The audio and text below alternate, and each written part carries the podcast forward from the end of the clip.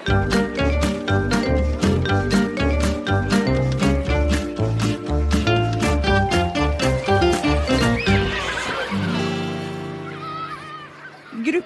eller samarbeidslæring, er det bra for alle elever, eller kommer noen mer seirende ut av en slik måte å jobbe på enn andre? Og hva betyr gruppesammensetningen inn i dette? Kan elever lære noe annet eller noe mer i et gruppearbeid som de ikke kan lære når de sitter alene ved pulten? Ja, dette og mer til skal vi snakke om i denne episoden av Lærerrommet. Velkommen, jeg heter Vigdis Alver. Og jeg heter Marianne Olsen Brøndtveit, og også denne episoden spilles inn fra ulike steder via en digital plattform. Vi skal inn i klasserommet, der en lærer sier Sett dere sammen i grupper på tre og løs oppgavene som står på tavla. Eller så kan læreren si Sett dere sammen og lag en presentasjon om en person dere beundrer. Dette er ikke en helt uvanlig start på en helt vanlig skoletime. For ulike former for gruppearbeid er vanlig både på skolen og senere i arbeidslivet, og mange synes det er den optimale arbeidsformen også for elever. Så da er spørsmålet hvordan det kanskje må skrus til for at alle kan dra mest mulig nytte av denne arbeidsformen. Og vi har med oss to gjester inn i denne episoden for å snakke om nettopp dette. Og velkommen eh, Frank eh, Vestby, du er skolesjef i Frogn kommune i Viken. Det stemmer. Hyggelig å være her. Og velkommen til deg, Øystein Skundberg, førsteamanuensis ved Fakultet for lærerutdanningen ved Oslo OsloMet. Takk for det. Hei, hei. Og Skundberg, for en tid tilbake så skrev du en kronikk på nrk.no med overskriften 'La elevene slippe gruppearbeid'. Kan du utdype hva ligger i den eh, overskriften fra din side? Ja, det, det var jo motivert både av eh, egentlig egen erfaring og av en, en tendens jeg syns jeg så i skolen til å bruke gruppearbeid som sånn universal medisin for eh, både det sosiale miljøet og for eh, måte, faglig produksjonen. Eh, også, og I den så påpekte jeg at det er gjerne sånn at man setter sammen grupper og hvor man da bruker noen elever som ressurser, og så er det noen andre som blir nærmest eh, de, de, som man ikke helt vet hva man skal gjøre med. Og etter den så fikk jeg en del reaksjon, eller kommentarer fra folk som kjente seg veldig igjen. Som, eh, for jeg nevner f.eks. det her med bufferelever. At man har rolige elever som man setter mellom de som er mindre rolige, og som man nærmest ja, vil ha til å holde styr på de andre. Det var mange som kjente seg igjen i det. Og så minner det her jo veldig om det som heter Ringelmann-effekten. Som er det at hvis man har et, for et lag som driver med tautrekking, jo flere som er på hvert lag, jo mindre trekker hver enkelt. Og sånn er det med gruppearbeid òg. Ja, jo flere medlemmer, jo mindre gjør hver enkelt. Og så risikerer man selvfølgelig alltid at det er noen som, som blir sånn loffere, som bare henger med. Mm. Men uh, ja, det var, det var, litt sånn uh, ut fra min egen erfaring hvordan jeg syns det var, men også hvordan jeg så at det ble brukt i skolen. For du er jo veldig, annet veldig opptatt av gruppesammensetningen her. Og, og du, du, skriver jo verken at bråkmakeren, og du sa jo nå også verken bråkmakeren eller den flinke jenta tjener på, på gruppearbeidet, men derimot at eh, det er læreren som nærmest får en hvilepute. Kan du si noe om det? Hva er det med gruppesammensetningen inn i det her som du er mest opptatt av?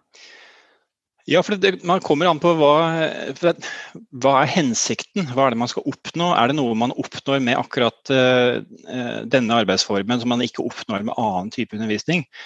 Og uh, det er klart at noen, først, altså Hvem er det som vinner på dette her? Uh, det er ikke nødvendigvis bare læreren, for det er klart det er mange elever som liker det. Men, men jeg kan liksom ikke tenke meg noen arbeidsform som det er, det er enten sånn enten elsker man det, eller så hater man det.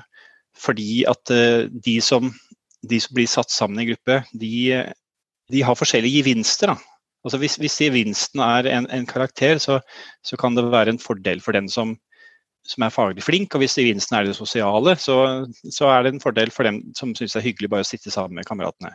Men det å, mm. å få til begge deler på en gang er vanskelig. Du nevnte nå her at dette er jo dels ting du har erfart selv. Kan du fortelle om ditt, uh, ditt verste gruppearbeid? Ja, altså det er erfart selv i den betydning at uh, både som lærer i barneskolen hovedsakelig, og som elev. Da jeg var uh, elev, så, så var, kunne jeg ikke tenke meg noe mer forferdelig enn gruppearbeid. Men klart, det er jo ikke noe uh, vitenskapelig bevis for noen ting. Men jeg har kjent igjen det hos elever senere også. At den innsatsen som man selv gjør, den forsvinner i gruppa. Den, eh, hvis ikke alle drar i samme retning, eller har samme motivasjon, så, så er det liksom eh, nesten likegyldig hva man gjør sånn, som individ. Og for mange, inkludert meg selv, så er det å er motivasjonen, en indre motivasjon til å gjøre noe som er gøy for en selv. Og da vil man at din innsats skal bli synlig. Men du spurte om det med verste gruppearbeid. og der er jo sånn som sikkert mange lærere, da, at jeg har, jeg har hatt eh, timer med, med, gruppearbeid med elever hvor du nærmest løper rundt. og Du slukker branner og du prøver å flytte på elever som enten ikke vil eller ikke kan. Eh, og så ender opp med et produkt som ingen av dem er fornøyd med. Og Da er det klart at da ender man opp med å tenke at akkurat til denne aktiviteten så var ikke det den optimale arbeidsmåten. Men nå er det jo også mange måter å både organisere og rigge gruppearbeid, og det som også kalles samarbeidslæring på. Og kan det være at det er noe med metodikk eller organisering av undervisningen dette også kan handle om? Ja, for dette, det kommer veldig an på altså Samarbeidslæring har jo bl.a. det viktige komponentet som er liksom positiv gjensidighet.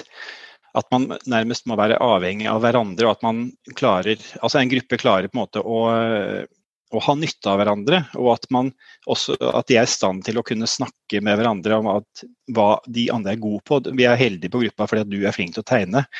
Eller du kan, du kan skrive det, eller du kan, du kan lære oss andre det.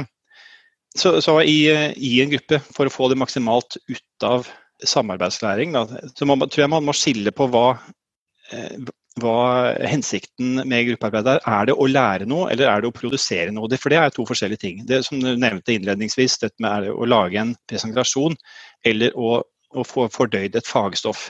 For det er på en måte to forskjellige ting, og da må man ha to forskjellige gruppesammensetninger. Frank Vestby, du er jo i tillegg til å være skolesjef i Frogn også forfatter av ei bok om såkalt cooperative learning, eller samarbeidslæring som noen også kaller det.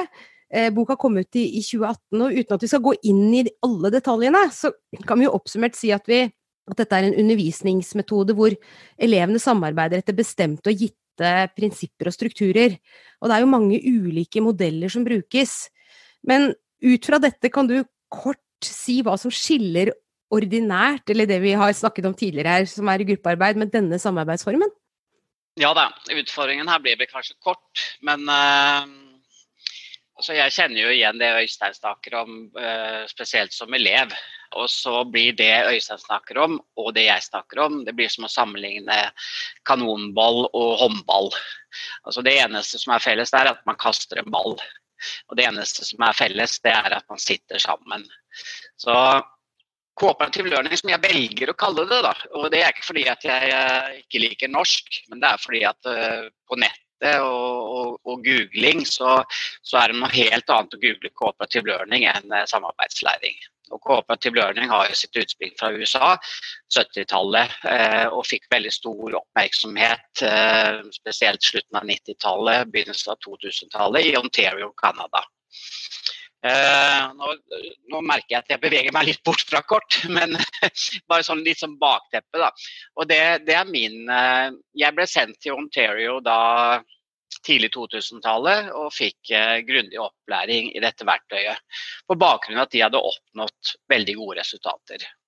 Det handler om å ha en systematisk tilnærming til barns både utvikling og læring. Og Det er fire grunnprinsipper som styrer dette. her. Øystein var inne på en av de. Så, Hvilket var det han var inne på? Positiv gjensidighet. Og de styrer måten læreren organiserer og jobber med cooperative learning. Da. Eh, og, altså, det er vekt på du, Hvis du setter noen elever sammen og gir dem en oppgave, så er det jo som Øystein sier, veldig, det er mye som kan skje. Men i cooperative learning så jobber du også med de ferdighetene som skal til for å lære i samarbeid med andre. Og det er en ekstremt lærerstyrt aktivitet, så det er et godt verktøy for klasseledelse. Og så er det stor elevaktivitet.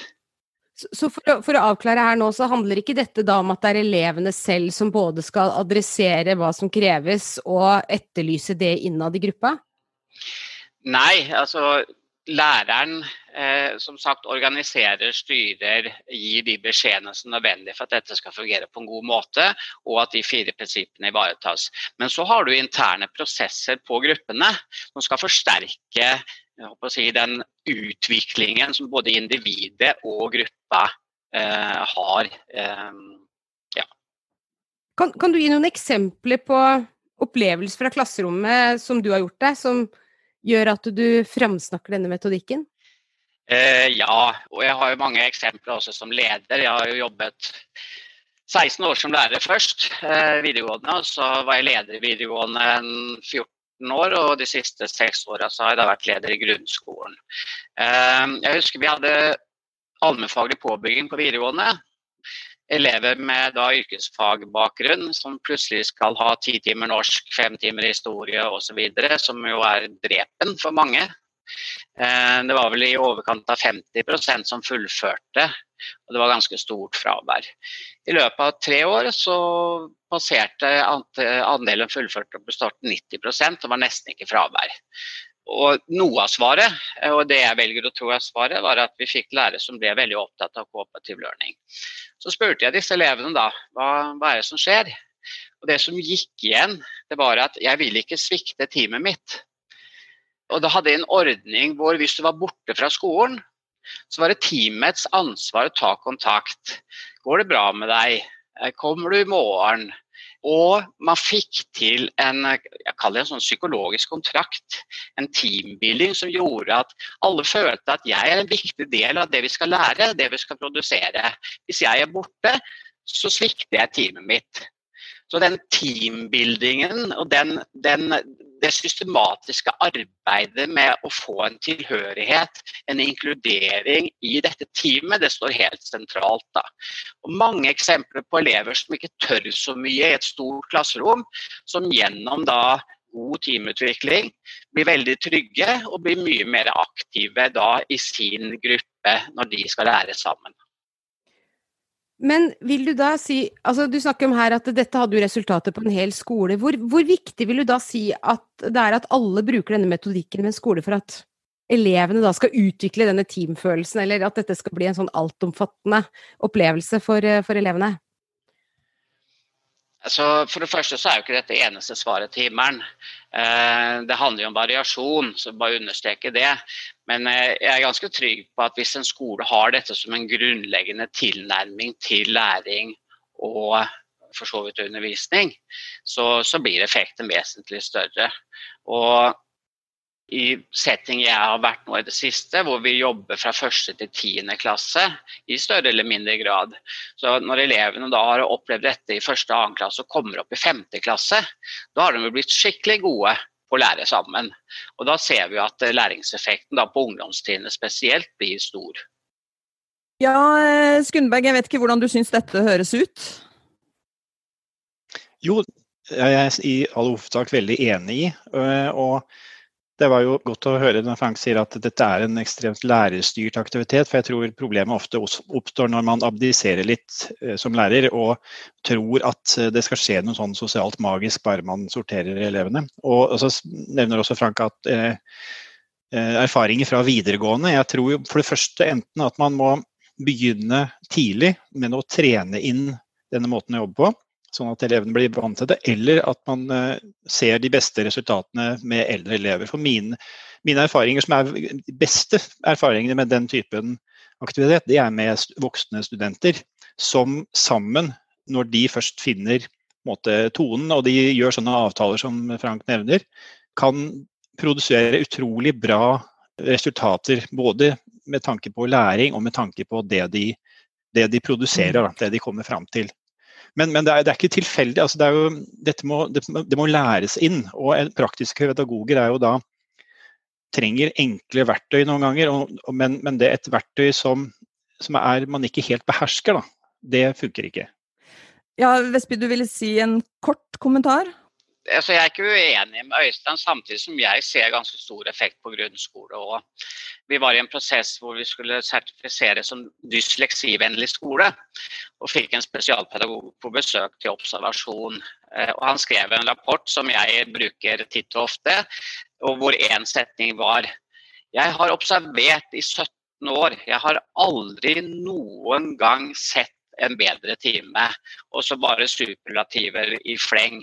Hvor han hadde vært inne i en time hvor, som er viktig, som Øystein også sier, hvor læreren var skikkelig god på verktøyet. For det er et mm. poeng. Mm.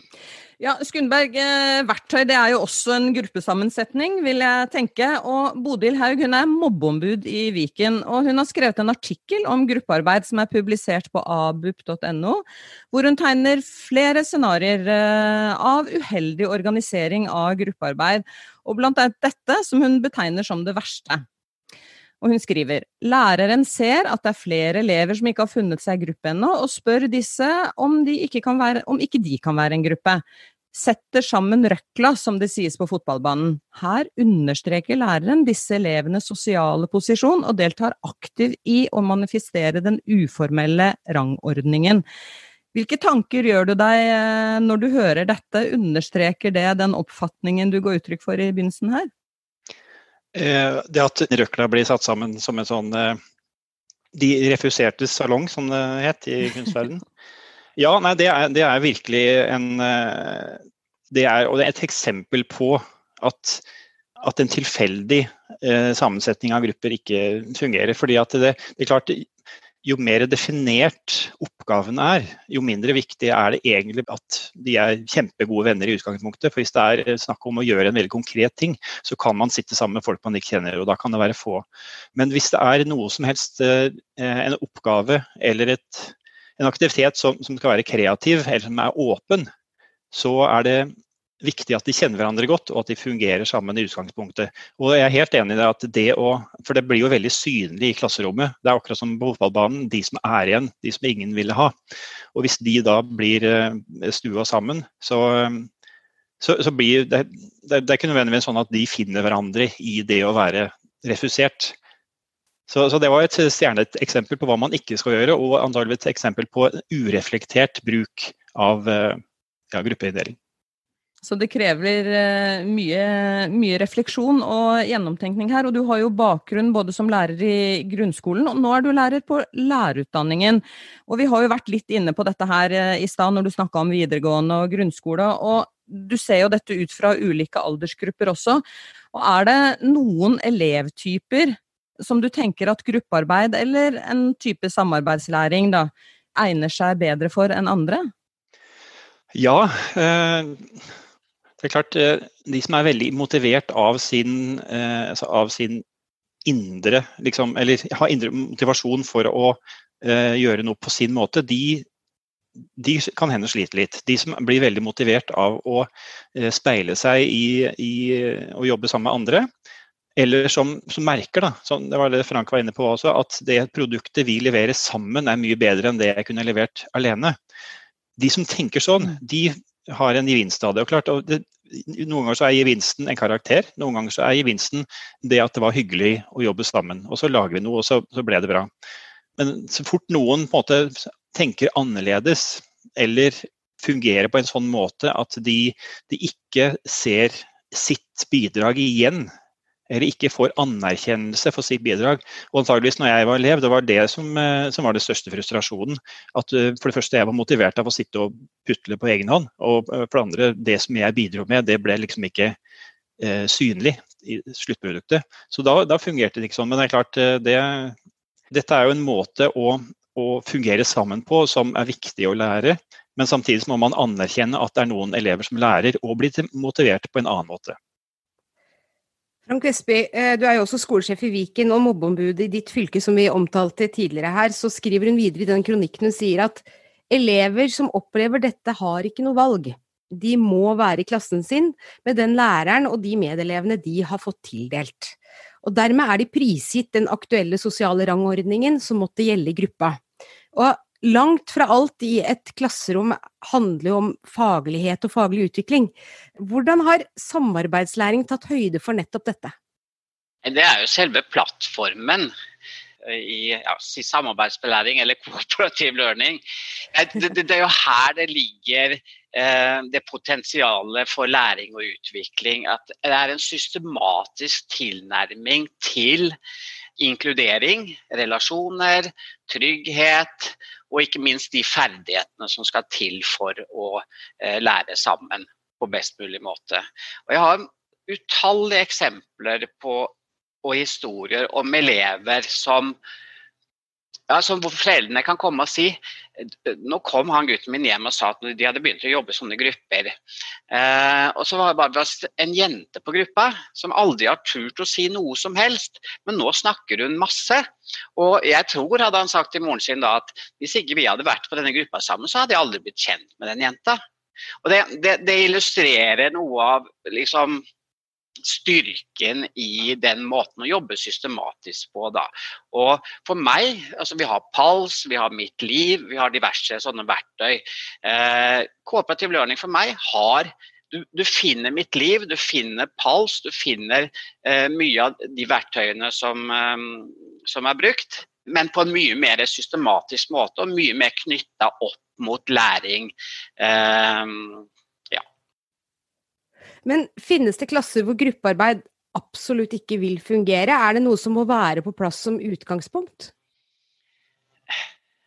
Altså, Gruppearbeid er jo noe altså Jeg snakker jo ikke om gruppearbeid i det hele tatt. ikke sant? Det, det, det uh, fordi at Når Øystein får spørsmålet om uh, elever da i gruppearbeid eller samarbeidslæring, så blir det som å si elever i kanonball og håndball. Uh, det, blir så stor forskjell.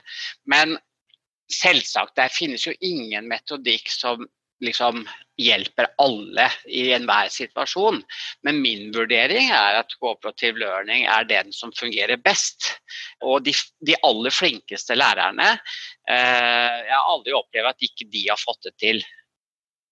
Men hva slags metodikk eller faglige mål er det lurt å knytte til nettopp denne arbeidsformen, da? Cooperative learning? Nei, eh, eh, hvis vi tar fagfornyelsen nå, da. Hvis du skal uh, utvikle kritisk tenking, skal du gjøre det inni ditt eget hode? Uh, litt uh, sånn førende spørsmål. Nei, dette må du gjøre sammen med andre.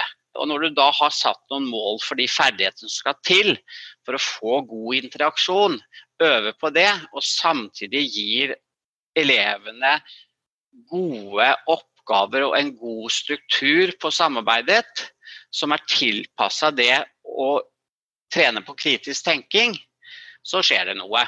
Eh, men som Øystein sier, at dette her, du kan ikke begynne med dette her eh, liksom ene uka og så forvente om, om tre uker så, så, så, er det kjempebra. Man må stå i det over tid. Eh, som lærer må du få erfaring, du må reflektere, du må gjøre endringer.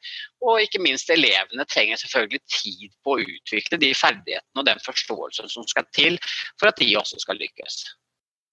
Ja, Øystein Skundberg, tenker du at det er for lite opplæring om, eh, om, denne måten å jobbe på i et klasserom sammen med elever i lærerutdanningen? Ja, det tror jeg. Fordi at man antar altså, Det Frank påpeker er veldig viktig at gruppearbeid og, og samarbeidslæring det er ikke det samme i det hele tatt. Men i, i eh, skolen så, så, har man tendens til å tro at man vet hva, det, hva gruppearbeid er. Eh, og at man bare gjør det. Og de er jo litt sånn altså En sosiokulturell læring står jo veldig sterkt. og da, da, kan man ende opp med den holdningen at eh, vi må lære ting i fellesskap før vi kan lære det individuelt. Ikke sant? Det er sånn Vygotsky-tenking. Det vil fungere hvis man har kjennskap til verktøyet. Kjennskap til disse, de prinsippene. og det, det betyr ikke at alle må ha etterutdanning i cooperative learning. Men å vite at det er noe annet enn å bare ta klassen og dele på åtte. Mm. Ja, Vestby, du hadde en kommentar her? Ja, og det er alltid individuelle oppgaver og individuelt arbeid i cooperative learning, samarbeidslæring. Og Der er det ligger muligheten for å differensiere og tilpasse da, til den enkelte elevs eh, evner og, og ferdigheter. Så, så, det er liksom ikke slik at setter det sammen, eh, men alltid i stort sett så er det en individuell oppgave først, som du da bringer inn til fellesskapet. Mm. Men Skudberg, alle lærere har jo ikke tilgang på disse nye teoriene og en ny eh, læremåte. Og uavhengig av det, så kan vi kanskje si det sånn at det er eh, enda flere detaljer en lærer bør tenke gjennom før oppstart av et gruppearbeid da, eller en samarbeid i et klasserom.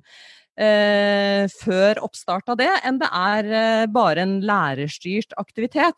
Og kan dette, hvis man tenker mer igjennom på forhånd og orienterer seg bedre i, eh, eller enda mer i klassen, kan det unngå at dette blir liksom denne pausen for læreren og det utsatte for de sårbare elevene, som vi har vært inne på i denne episoden? Ja, absolutt. Og jeg må jo skyte inn at jeg har veldig mye god erfaring med dette her òg, ikke minst som, eh, som, lærer for studenter. Men det er også da studenter som ofte er av en generasjon som har trent på dette her over flere år, og som er på en måte vokst opp i det.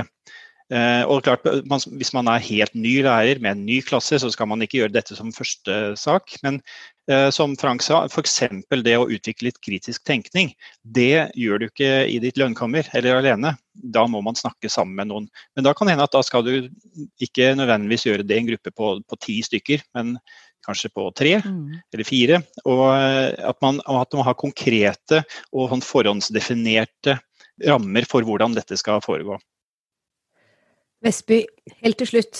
Hvor mye av gruppearbeidet eller samarbeidslæring eller cooperative learning handler om god klasseledelse og lærerstyring? Nei, som i all annen undervisning så, så er det selvsagt mye. Men, men, her er det veldig sånne konkrete måter å organisere dette på som gir god klasseledelse. Så jeg opplever når jeg holder kurs f.eks. at uh, lærerne sier oi, dette kan jeg bruke i morgen. Uh, så, så, så det, det, blir veldig sånn Du kan f.eks. tildele spesifikke roller. Og Det kan være hva som helst, men som skal ha en hensikt. Uh, noe jeg noen ganger sier, at du kan ha en spionrolle. Hva er en god spion? Det må du lære. Jo, du skal ikke ses, du skal ikke høres, du skal hente informasjon og bringe det tilbake igjen. Hvem bør eventuelt få en sånn spionrolle? Jo, kanskje gutter som er litt urolige, som trenger å, å, å være litt på farta. Sånn at da får dem en tilpasset rolle, hvor de også kan oppleve mestring og få anerkjennelse. Da har de vært på et annen gruppe, og så har de stått der og sett litt, og så går de tilbake til egen gruppe og så sier de, ja, hør, de jobber med det, kanskje vi også skal gjøre det.